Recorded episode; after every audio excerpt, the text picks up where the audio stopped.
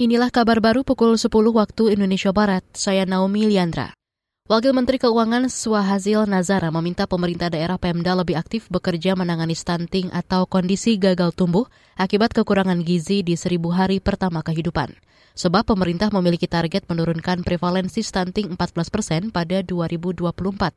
Pencapaian target ini membutuhkan peran besar dari pemerintah daerah. Kami berharap teman-teman di pemerintah daerah dapat betul-betul memperhatikan kondisi dan penurunan stunting ini agar nanti formula yang digunakan untuk menghitung dana insentif daerahnya untuk daerah ibu bapak sekalian membaik dan dana insentif daerah yang diberikan bisa membesar untuk ibu bapak sekalian. Secara keseluruhan, anggaran yang dialokasikan pemerintah untuk stunting pada tahun ini lebih dari 40 triliun rupiah. Antara lain untuk bantuan operasional keluarga berencana atau BOKB sekitar 1,8 triliun. Kita ke lantai bursa. Indeks harga saham gabungan IHSG pagi ini dibuka melemah 18,68 poin ke posisi 7.031.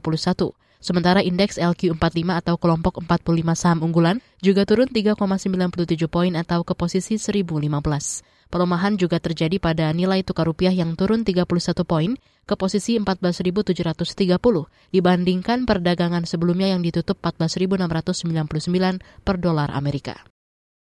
Sebanyak 24 tim lolos ke Piala Asia 2023 pada Rabu dini hari tadi. Timnas sepak bola Indonesia menjadi tim terakhir yang meraih tiket Piala Asia usai mengalahkan Nepal 7-0 di Stadion Jabar Al-Ahmad, Kuwait City pagi tadi.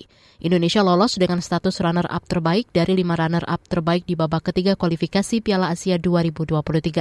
Dalam pertandingan di grup A, Indonesia menang dua kali dan kalah sekali ketika melawan Yordania. Tim lain yang lebih dahulu lolos ialah Bahrain, Malaysia, dan Yordania, Jepang, Australia, dan Korea Selatan. Australia akan terus melintas melalui Laut Cina Selatan LCS meski ada penentangan dari Tiongkok. Salah satu alasannya karena laut ialah pintu gerbang penting untuk pelayaran dunia. Penegasan ini disampaikan Menteri Pertahanan Richard Marles. Akhir pekan lalu, ia bertemu dengan mitranya dari Tiongkok Wei Fenghe di Singapura. Pertemuan terjadi di tengah ketegangan hubungan kedua negara selama beberapa tahun, antara lain karena perselisihan politik hingga LCS. Dialog di Singapura merupakan pertemuan tingkat tinggi pertama dalam lebih dari dua tahun. LCS adalah salah satu wilayah paling disengketakan di dunia. Klaim itu sebagian besar dilakukan China, namun sejumlah negara di sekitarnya termasuk Amerika menentang hal tersebut. Demikian kabar baru KBR, saya Naomi Liandra undur diri.